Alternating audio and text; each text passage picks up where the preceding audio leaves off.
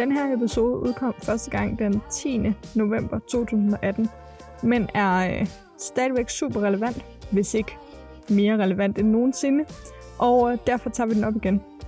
Jeg, Johanne, hopper lige ind her for inden den oprindelige snak at fortælle, hvorfor jeg synes, du skal lytte med igen. Greenwashing har gode vilkår i de her år. Vi ser en regnskov af grønne produkter poppe op og øh, uendelige grønne krav. Og de er mere eller mindre underbygget. Det sidste år har jeg virkelig set mange eksempler på greenwashing. Jeg vil ikke fortælle dig dem alle sammen, men øhm, inde i show notes og på vores hjemmeside, der kan du finde et link til mit online foredrag, som jeg har lavet omkring greenwashing, hvor jeg gennemgår en masse eksempler. Men jeg er altså ikke poppet ind her bare for at lave en reklame. Der er nemlig et stort eksempel, som lige er kommet frem, som jeg vil gerne vil snakke lidt om. Det kommer fra min egen yndlingsbranche, nemlig modbranchen. Og øh, det kommer desværre ikke fra Danmark, derimod fra vores naboer i nord. Sidste år så satte den norske forbrugerombudsmand nemlig spot på H&M og andre store tøjbutikker for deres vildledende markedsføring. De brugte meget bombastiske, men meget løse miljøudsagn. Anklagen gik på, at det var uklart, hvordan produkterne egentlig var bedre for miljøet.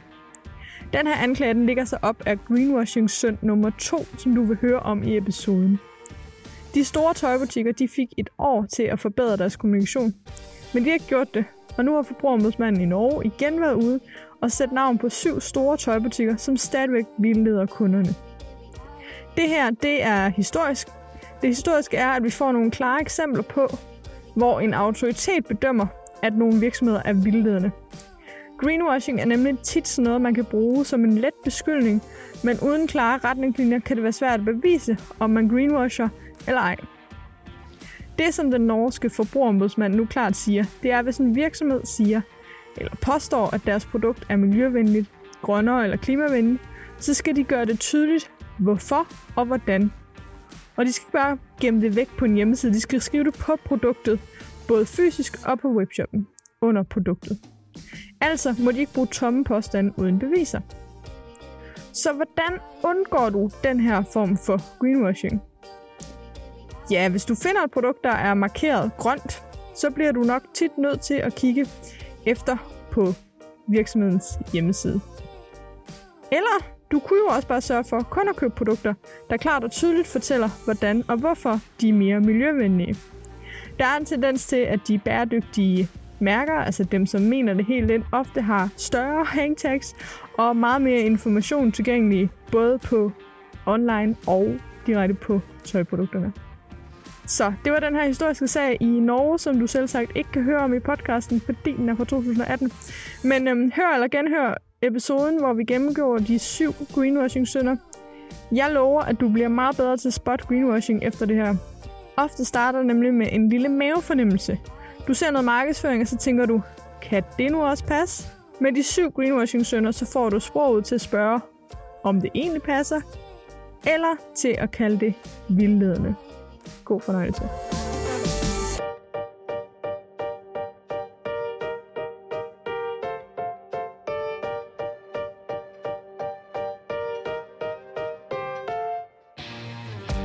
Sustain Daily Podcast er til dig, der gerne vil gøre dit liv lidt mere bæredygtigt. Vi går i dybden med tanker, overvejelser og dilemmaer, så du kan skyde genvej mod et grønnere liv. Jeg hedder Johanne Stenstrup. Og jeg hedder Emma Slipsager. Johanne. Hej Emma. Så sidder vi her igen og Det- optager podcast. Det er så skønt. Og vi skal snakke om greenwashing. Yes, den onde greenwashing. Ja. Øhm, et ord, som vi har brugt rigtig, rigtig meget. Åbenbart. Faktisk så meget, at Annette, som klipper podcasten, på et tidspunkt sagde til os, kan I ikke lave noget om det der greenwashing, fordi I kaster det rundt mellem jer, men har I egentlig sagt, hvad det er? Og det har vi ikke. Det har vi nok ikke rigtigt. Vi går nok lidt ud fra, at folk ved det. Og vi har også en artikel i Sustainable andet år om greenwashing, uden en definition. Ja. Men måske er det, fordi der ikke rigtig findes en sådan hardcore definition.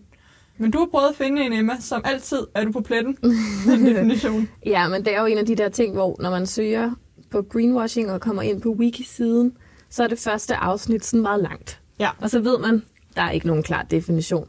Vi ved jo også sådan lidt godt, hvad det er, men har heller ikke en klar definition. Greenwashing er jo spin, hvor man forsøger at få et produkt til at virke mere bæredygtigt, end det reelt er.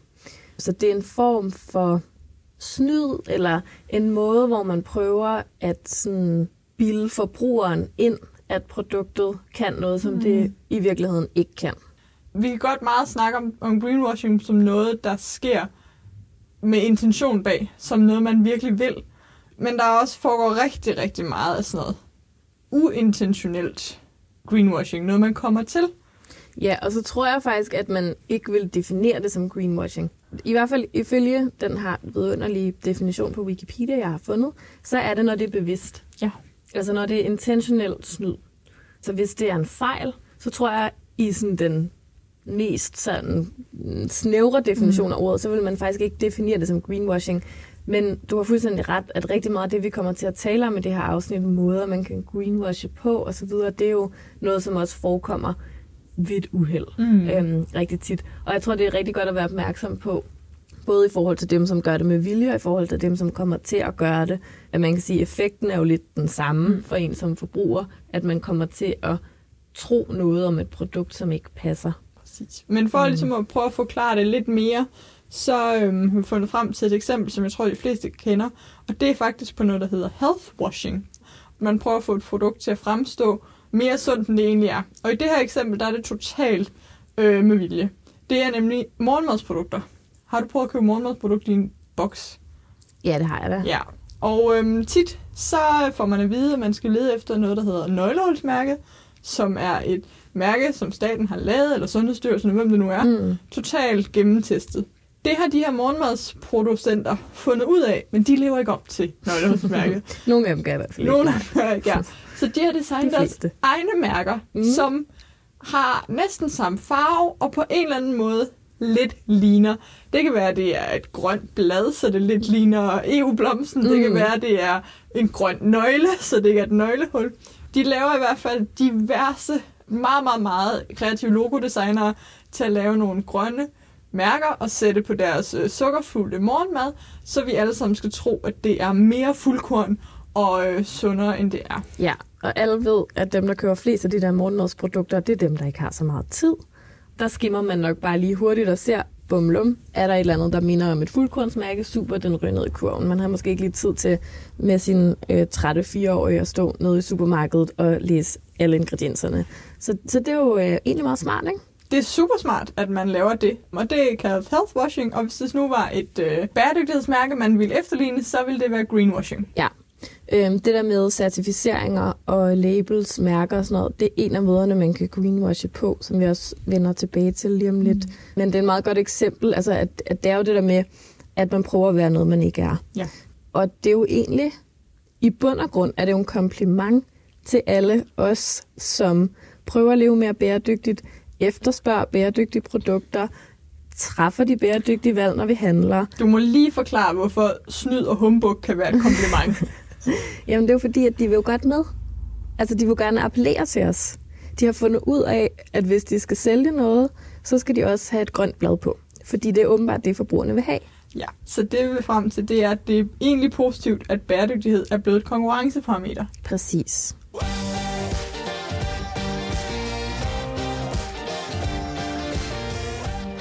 Det er jo fedt, at virksomhederne tror, eller føler, at der er så mange forbrugere, som efterspørger grønne produkter, at de vil med, de vil have en bid af den kage. Øhm, og det er jo tit meget købestærke, købevillige forbrugere, som gerne vil det. Og det er derfor, der især er en masse washing inden for øh, helbred, sundhed og inden for bæredygtighed. Ja. Fordi det er kæmpe megatrends på verdensplan. Men selvom det er en kompliment, så betyder det jo ikke, at det er nice at falde for greenwashing. Nej, det er hverken nice at falde for, eller øhm, at gøre. Nej, nej, det er heller ikke fedt at gøre. Det er rigtigt. Altså, det er ikke sådan, at vi synes, det er godt, at virksomheder greenwasher. Nej. Det, som jo er godt, det er, når store virksomheder, øh, Nike mm. eller Ikea, eller hvem det nu er, faktisk går ind ja. og reelt set omlægger noget af deres produktion til at blive mere bæredygtig. Det er mega nice. Det er jo den gode reaktion på den efterspørgsel, der er lige nu blandt forbrugerne. Ja rent faktisk at gå ind og ændre i den måde, man driver virksomhed på. Mm. Men det er jo ikke nogen holdbar løsning, at man bare sætter et eller andet mærke, eller laver mm. æsken brun i stedet for orange, sådan, så den ser ud som om den er lavet af genbrugspap. Jeg synes, skal vi ikke lige prøve at tage nogle eksempler på, hvad greenwashing kan være? Jo. Og så bagefter snakke om alle de der gråzoner. Jo, lad os prøve det. Du har fundet syv sønder inden for greenwashing. Ja, altså ligesom der findes de øh, syv, dødssynder. syv dødssynder, så findes der også de syv greenwashing-synder.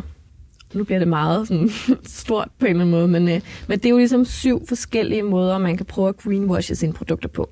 Og den første, det... Eller man kan komme til at greenwashe sine produkter på. Ja, jamen rigtigt. Syv forskellige måder, greenwashing kan forekomme. Ja, og opfattes. Med en øh, ond hundlatter bagved, eller med eller gode en... intentioner, fordi man selv, som driver en virksomhed, som producerer et eller andet, yes. er blevet snydt af nogle andre. Yes. Den første er kun at fortælle den halve sandhed, eller at fokusere meget snævert på mm. et enkelt parameter. For eksempel det her morgenmadsprodukt, som skriver, øh, at der er, øh, hvad ved jeg, 36% fuldkorn. Ja. Så er der så bare 64% sukker. Præcis. Men det er der ingen grund til at skrive, fordi nu fremhæver vi bare lige kun det her ene fede parameter. Inden for bæredygtighed kunne det også være, at øh, emballagen er lavet af genbrugspap.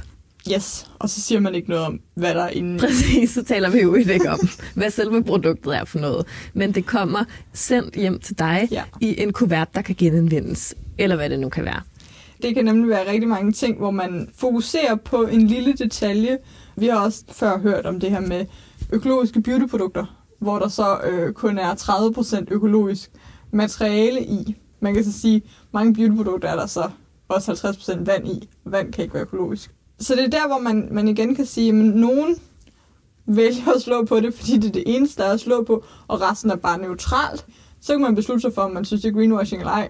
Nogle andre vælger at slå på det, og så er resten helt horribelt. Ja, og jeg tror også, at noget af det, der kommer under den her kategori, det er også virksomheder, som går ud og siger, vi er en supergrøn virksomhed, mm. fordi vi har et supergrønt produkt. Ja.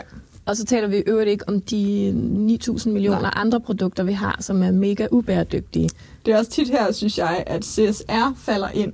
Og CSR, øh, Corporate Social Responsibility, er et for mig at se forældet måde at anse det at være en bæredygtig virksomhed, som tit går ud på, at man gør noget godt et eller andet sted. Mm. Det kan være, at man støtter en NGO, eller det kan være, at man giver sine medarbejdere fri til at arbejde frivilligt, eller at man har et eller andet øh, take-back-program for sine produkter. Men så snakker man ikke, så går man ikke ind og arbejder med kernen i ens virksomhed. Så det kan godt være, at man producerer plastiksko, men øh, så en gang om året donerer man penge til Plastic Change. Ja. Det er en CSR-strategi, som ikke går ind og rykker på kernen i ens produkt, men som man fremhæver det her gode initiativ, man gør. Ja. Og det er øh, selektiv fokus. Og det vil ikke være greenwashing, hvis man sagde, vi har et produkt, som ikke er bæredygtigt, men for at uh, få lidt bedre samvittighed, så har vi et samarbejde med den her NGO. Det der er greenwashing, det er, når man siger, ja. vi er en super bæredygtig virksomhed, fordi vi har det her samarbejde med den her NGO. Præcis. Så der er ikke noget dårligt ved at have et CSR-initiativ. At have et CSR-initiativ er bare ikke ens betydende med, at man er en bæredygtig virksomhed i mine og efterhånden de fleste sådan, professionelle bæredygtighedstalers øjne. Ja. Nu lader jeg lige uh, mig i en kæmpe gruppe af seje mennesker. det synes jeg er rigtig godt.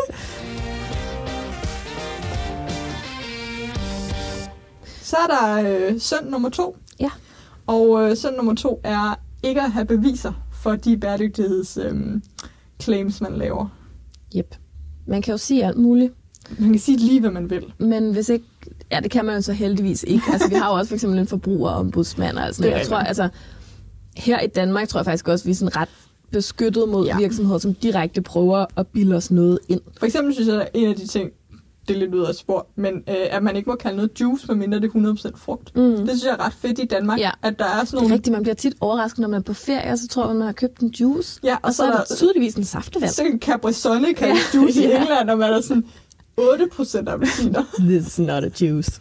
Øh, og det var meget fedt, at vi har sådan en lovgivning, hvor man kan sige, hvad... Altså mælk, man må heller ikke kalde øh, plantedriksende mælk, fordi mælk er et, øh, noget, der kommer fra en ko. Sekret. Ja. Jamen, præcis. Så øhm, du kan sige det. Nå ja, men altså. Så det med ikke at have nogen beviser er også greenwashing. Man kan sige, den rammer lidt skævt faktisk i forhold til det danske marked. Men forestil dig, at man går ned for at købe en t-shirt. Ja. Og så står der på t-shirten, har jeg lavet økologisk bomuld. Mm. Og så tænker man, mega fedt, luksus, kommer hjem, tager den på, og tænker man, gud, ja, det der brand gør vist, om de ja. har nogle andre ting, og sådan noget. Så går man ind og finder deres hjemmeside, og så står der, hej, jeg laver økologisk bomuld, og så prøver man at klikke, mm. fordi man gerne vil ind til den side, hvor der står, hvilket certifikat er det egentlig? Øh, Er det kun tekstilen, eller ja. er det også tråden, eller whatever, hvad for noget tryk er det så, der er på? Og så kan man ikke finde noget. Nej. Og så er det, jeg som regel plejer at sige, du kan nok godt tro på det, de siger, men så skal man huske på, hvad de ikke siger. Altså, så hvis der står, at det er økologisk bomuld, så er det nok kun det. Det er ikke tråden, det er ikke trykket, det er ikke farvestofferne.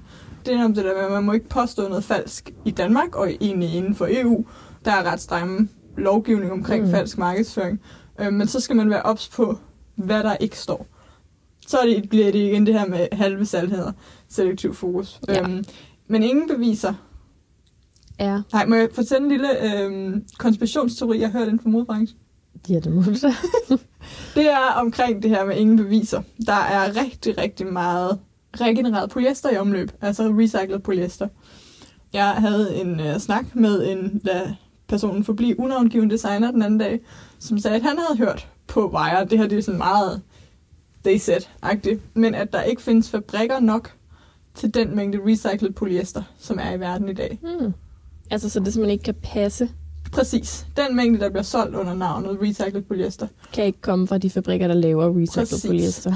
Og jeg har hørt de Mm. samme claims omkring økologisk bomuld. Ja. Ja. Jeg tror, Men altså, der er jo... Når den her står på listen, så er det jo fordi, der findes virksomheder, som påstår ting, de ikke kan bevise. Ja. Jeg tror heldigvis, at for os, som bor her, hvor vi bor, der kan man springe relativt lidt hen over det punkt. Ja, og tit kan man også sige, at det er meget nemt at finde ud af, hvad beviset er. Og det er der, hvor jeg ser certifikater. Ja. Øhm, jeg vil gerne finde nogle papkuverter til at sende Susanne Jelly jul ud i. Mit krav er, at det skulle enten være genanvendt eller FSC Mm. Og øhm, så ringede jeg til nogen, som på deres hjemmeside skrev, at det var genanvendt. Så sagde de, jamen det siger vi egentlig, det er, men hvis der er for stor efterspørgsel i forhold til produktionen, så putter vi noget nyt træ ind. Så vi kan ikke helt bevise det. Men i 90% af tilfældene er det så er sådan, det er ikke godt nok for mig. Øh, Jeg kan ikke sige til mine kunder, at det nok højst sandsynligt er recyclet. Så jeg fandt en anden, øh, en krone styre kuvert, men den var certificeret både med World Recycling Standard og FSC. Ja. Og det har jeg det bare meget bedre med i maven. Den tredje greenwashing-synd er vaghed. Altså, at man er vag i sine Ja. ja. formuleringer, at man ikke udtrykker klart, hvad det er, der er det bæredygtige. Det kunne fx være noget, der stod naturlig Det er på. vores yndlingsord. Ja, fordi naturligt, det er sådan, ja, det er flot. Mm. Prøv at komme med noget, der ikke er naturligt. Eller sådan, Ja, eller fri for øh, kemi. Det er også for, min, sådan, for mig sådan, kemi, det er jo vand og ilt. ja, så det kan jo ikke være, hvis den eksisterer. Nej, Vaghed hænger lidt sammen, synes jeg. Både med halve sandheder og med ingen beviser. de hænger med- alle sammen sammen. Ja, det gør de jo. Det er jo alt sammen noget, der handler om greenwashing. Men vaghed er den tredje. Ja. Statements, der bliver så generelle, at de ikke betyder noget længere.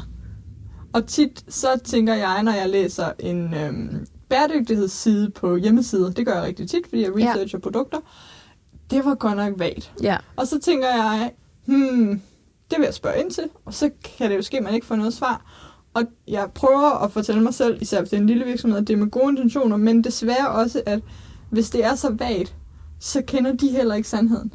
Fordi hvis du forstår noget virkelig, virkelig godt, så kan du også forklare det med menneskeord, som er meget præcise. Hvis du har brug for at pakke dig ind bag vage sandheder, så er det for mig at se, og det her det står 100% for egen regning, men et bevis på, at du ikke ved nok om dit produkt. eller at du prøver at snyde. Ja, Altså, det kan jo være det, kan være det ene eller det andet. Ikke? Det ene kan være, at Ja. du prøver, men du har bare ikke viden nok. Det andet kan være, at du har faktisk viden, men du vælger at formulere dig super vagt, Mm. så den viden, du har om, at dit produkt egentlig er dårligt, den ikke kommer frem. Og der tænker jeg tit på størrelsen af virksomheden. Hvis de er få, så tænker jeg tid, ressourcer og uvidenhed. Mm. Hvis de er store, så tænker jeg, det har I jo godt kunne finde ud af. Ja. Og det kan man nok ikke altid skære så Nej. rent over en kamp. Men øh, det er sikkert en god tommelfingerregel. Det er i hvert fald synd, kan man sige, at afskære nogen små, og måske også især sådan nystartede Mm. virksomheder, hvor man kan sige, det kan godt være, at det simpelthen handler om, at kommunikationsarbejdet ikke er fuldstændig Præcis. færdigt endnu. Men spørg endelig, altså hvis der er noget vaghed, man stusser over, Ja. ja. så spørg ind til det. Det kan være, der er et øh, meget mindre vagt svar på den anden side af en e-mail, som man kan bruge til noget. Ja.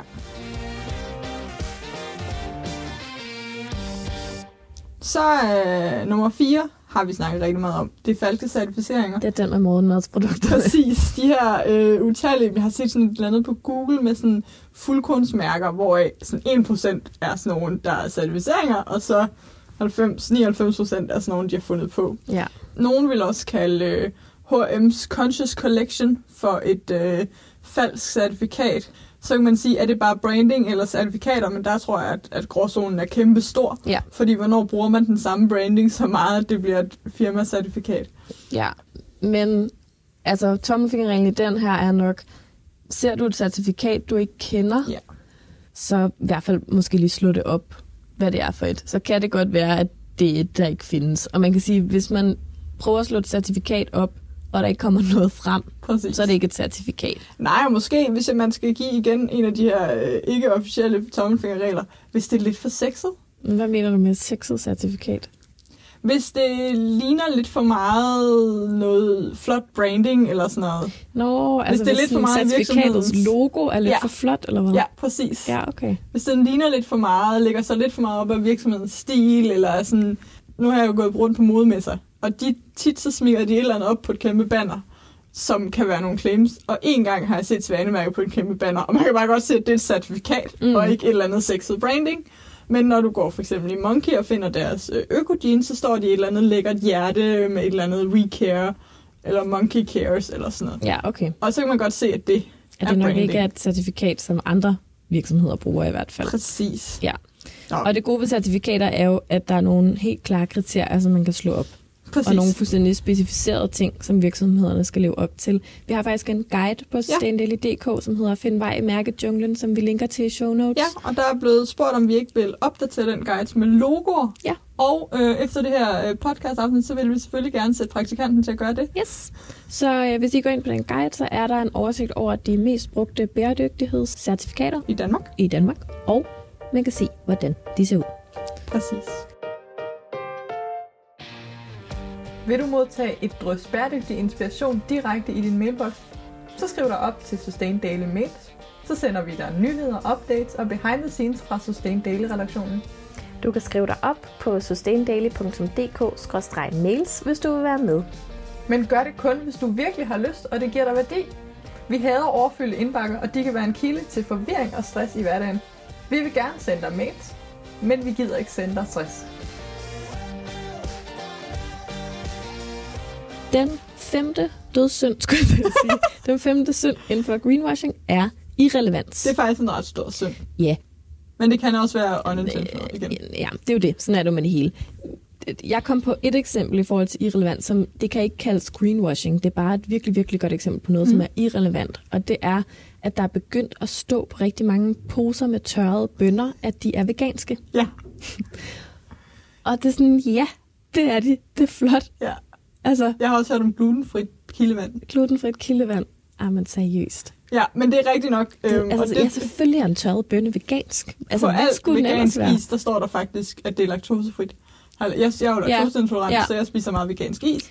Men det kan jeg Øhm. måske bedre forstå, fordi det er ikke sikkert, at hvis man bare er laktoseintolerant og har været vant til at navigere mm. i laktosefri, så er det ikke sikkert, at man ved, at det veganske nødvendigvis er uden mælk.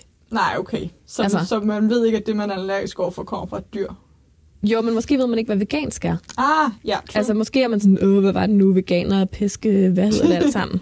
Men i hvert fald, når man putter et label på noget, som er én ting, og det er jo virkelig sådan en tendens, som er sådan lidt ærgerlig i vores samfund. For eksempel, hvis man skal putte et label på en broccoli.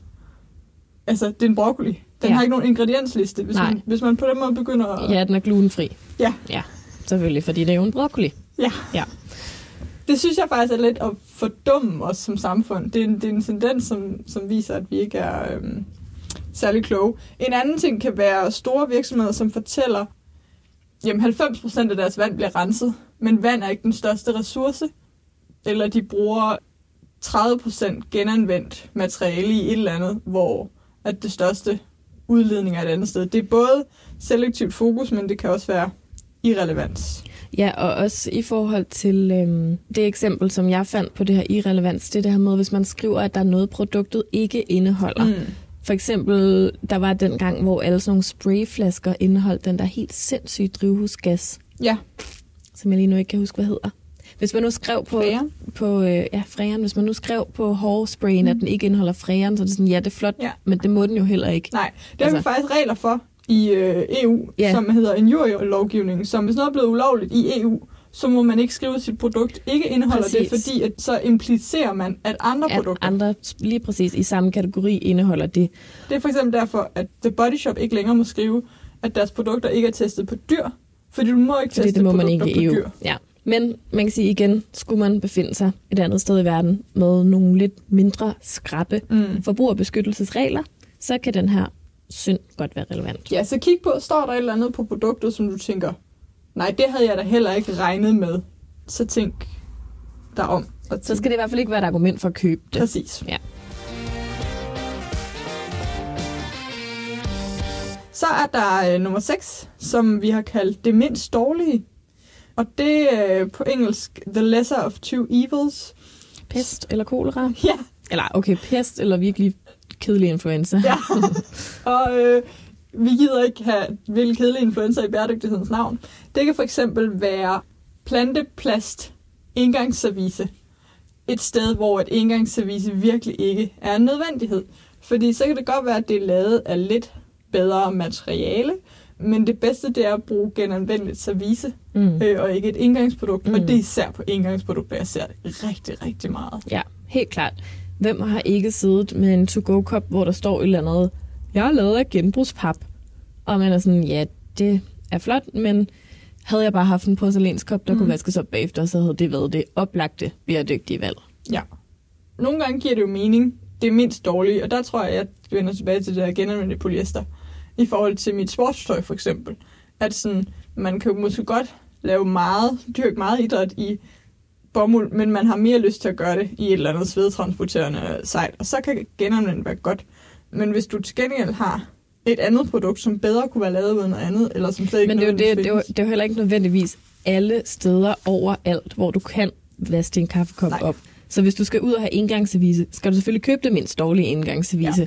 Men det er ikke et argument for at gå ud og købe mere engangsservice, at der nu er kommet noget, som er bedre end det dårligste engangsservice. Nej. Altså det er ikke i sig selv et argument for at købe det produkt. Yes. Og hvis det opstår et sted, og vi har ikke noget, lige noget eksempel på det, men hvor du tænker, at de kunne bare have undværet. Mm. Altså hvor de siger, at vi bruger det her, fordi det er bedre, og du tænker, det har været et lige så godt produkt uden, så er det især greenwashing. Ja.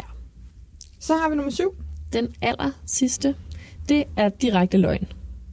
Altså når der simpelthen er en virksomhed, som går ud og siger noget, der ikke passer. Jeg har et eksempel. Ja.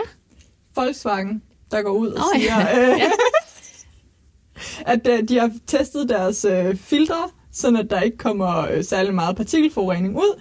Og øh, så kommer de ud og siger, øh, efter at der er blevet lavet individuelle test, efter de bilerne er kommet på markedet, at ups, vores øh, testapparat har vi snydt med. Mm.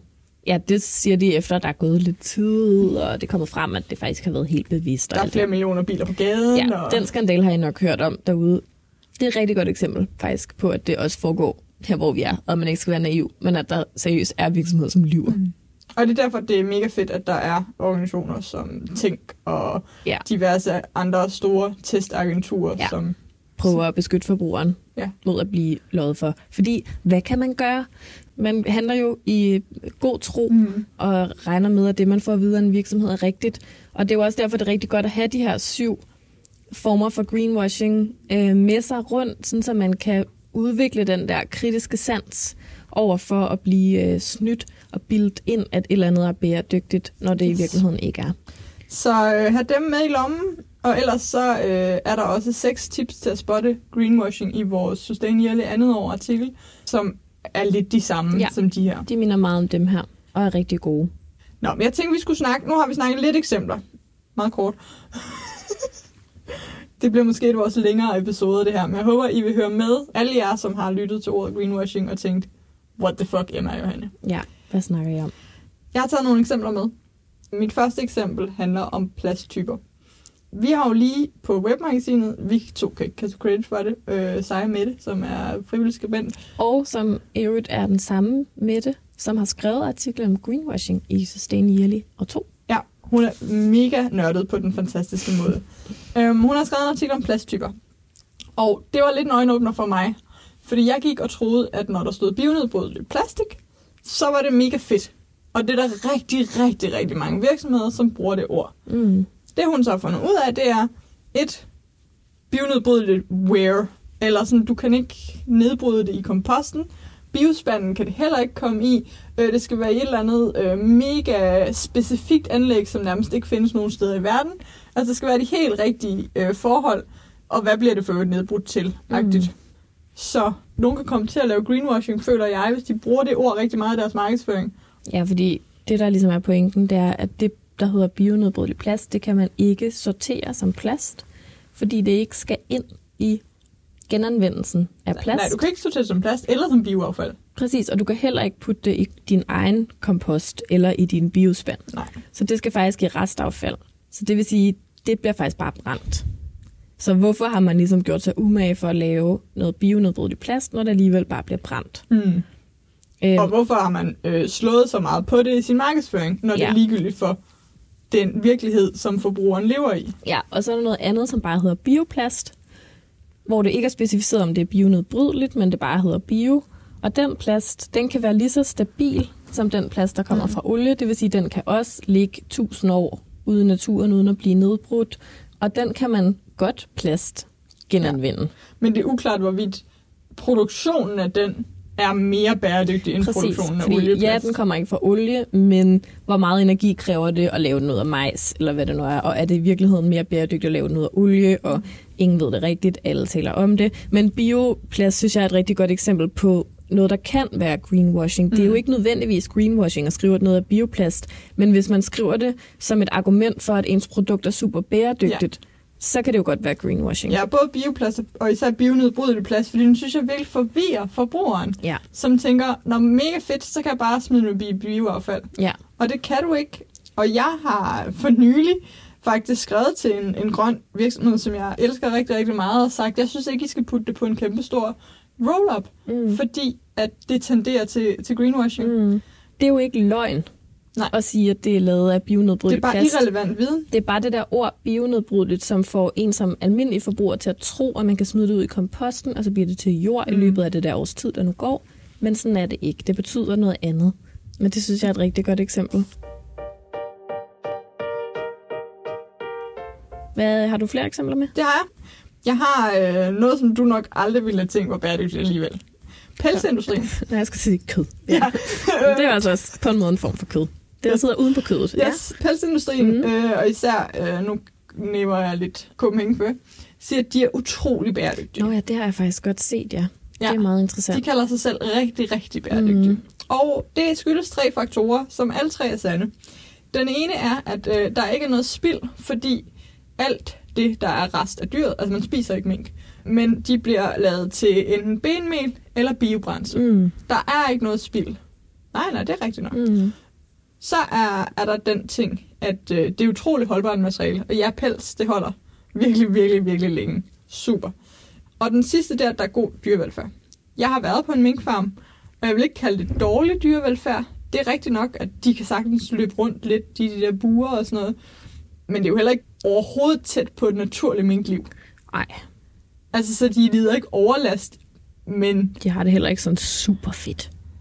Altså, de ligner lidt sådan en kat, der går i tomgang og bare ja. går rundt om sig selv. Ja. Så det, det er der, hvor man kan sige, jamen, der er tre rigtig ok ting, men opvejer det, det her med, at du har dyr i fangeskab, som udleder noget, og at du har en meget ressourcekrævende proces. Det er i hvert fald et godt eksempel på det selektive fokus, ikke?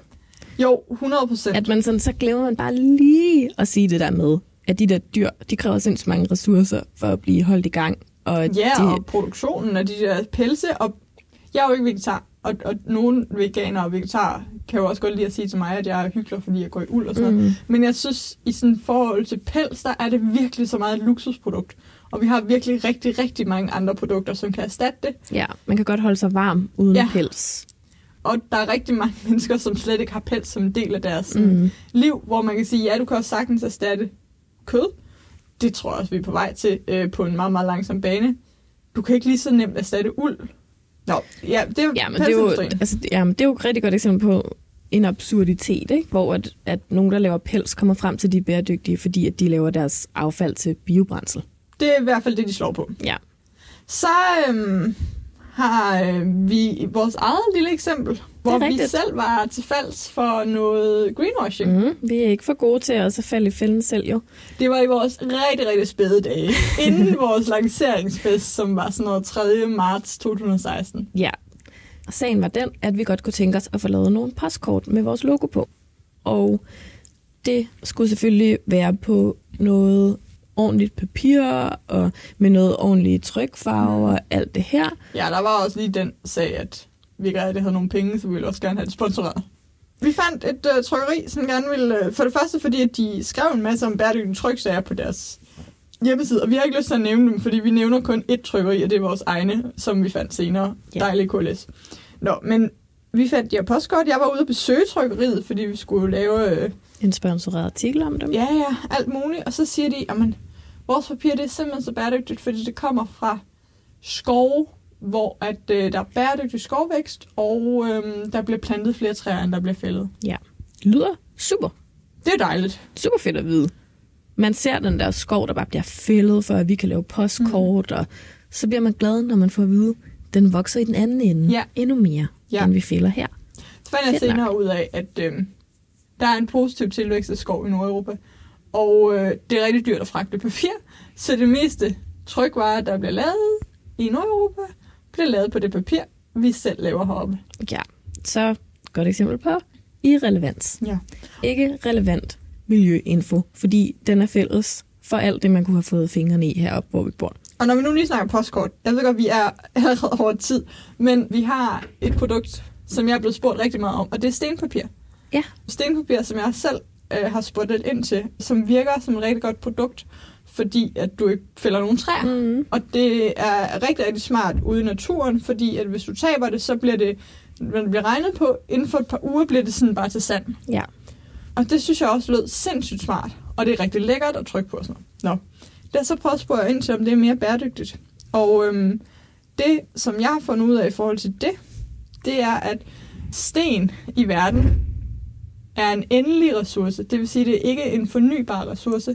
Mm. Og man kan med rette spørge sig selv, om papir er det rette brug for den sten, vi har i, i verden. Ja. Du kan ikke lave mere sten. Der bliver mm, ikke dannet mere mm. sten i verden. Så når nu vi har fundet ud af, at de der træer, som man kan plante, og så kommer der nye op, kan bruges til papir, mm. hvorfor så tage noget, man ikke kan plante nogle nye af? Ja. Præcis. Ja. Især fordi der er mere effektivt ting at bruge sten til end papir. Ja.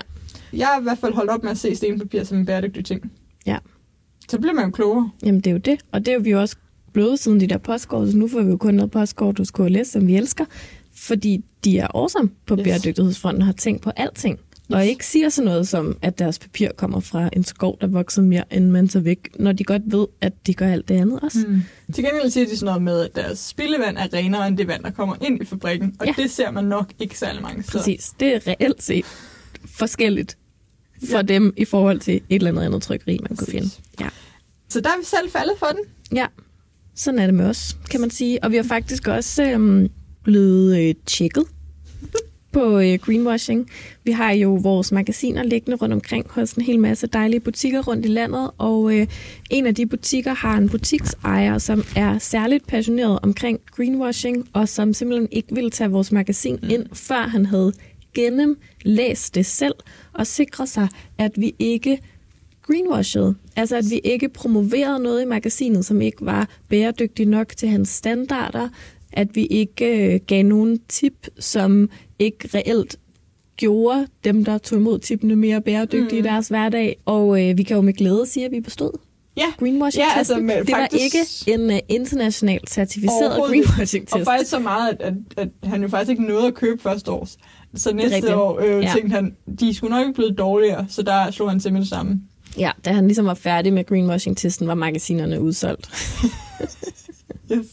Men det er jo sådan set bare rigtig fint, altså også at samarbejde med nogen, som har så meget greenwashing inde på radaren, at øh, de også gerne vil teste vores produkter for det. Men også netop fordi vi hele tiden bliver klogere, så vil vi også gerne, øhm, hvis I ser noget på vores hjemmeside, hvor I tænker, hov, er det der rigtigt? Mm. Så i stedet for at råbe greenwashing, som man bare desværre rigtig, rigtig tit kan gøre, så bare spørg, spørg ind. Mm. Altså sådan, når vi får en Facebook-kommentar, øh, om vi har lavet et eller andet samarbejde med et eller andet spil, som er pakket ind i plastik, og siger, hov, er det ikke greenwashing, og de provoverer et spil med plastikbrikker, men så spørg ind. Fordi nogle gange er der en rigtig god forklaring. Nogle gange har man ikke kunne finde et alternativ, og nogle andre gange, så øh, er det fordi, at det bæredygtige verdenssamfund er blevet klogere, siden man tog en beslutning. Ja, og det gælder jo ikke kun os, det gælder jo alle virksomheder. Altså, spot det, Mm. mærk dig, at her er der et eller andet, der kunne være greenwashing, og så spørg ind. Og hvis du kan få et fornuftigt svar, så er det jo fint. Og hvis du ikke kan få et fornuftigt svar, så er det nok greenwashing. Yes. Tusind tak, fordi I lyttede med til Ja. denne uges podcast. I næste uge, der øh, sender du live fra Odense, Johanne. Det gør jeg. Selvfølgelig optaget lidt før det, men øh, jeg var jo på tur med magasinerne og med podcasten uden dig, Emma. Og Mhm. øh, vi har besøg af Signe fra bloggen Useless og skal snakke en masse om forbrugskulturen. Det glæder jeg mig til at høre. Vi lyttes ved. Det gør vi. Hej hej. Hej hej. Tak fordi du lytter til Sustain Daily Podcast. Hvis du kan lide, hvad du hører, kan du hjælpe os på vej ved at abonnere på podcasten i din yndlingspodcast-app og skrive en anmeldelse.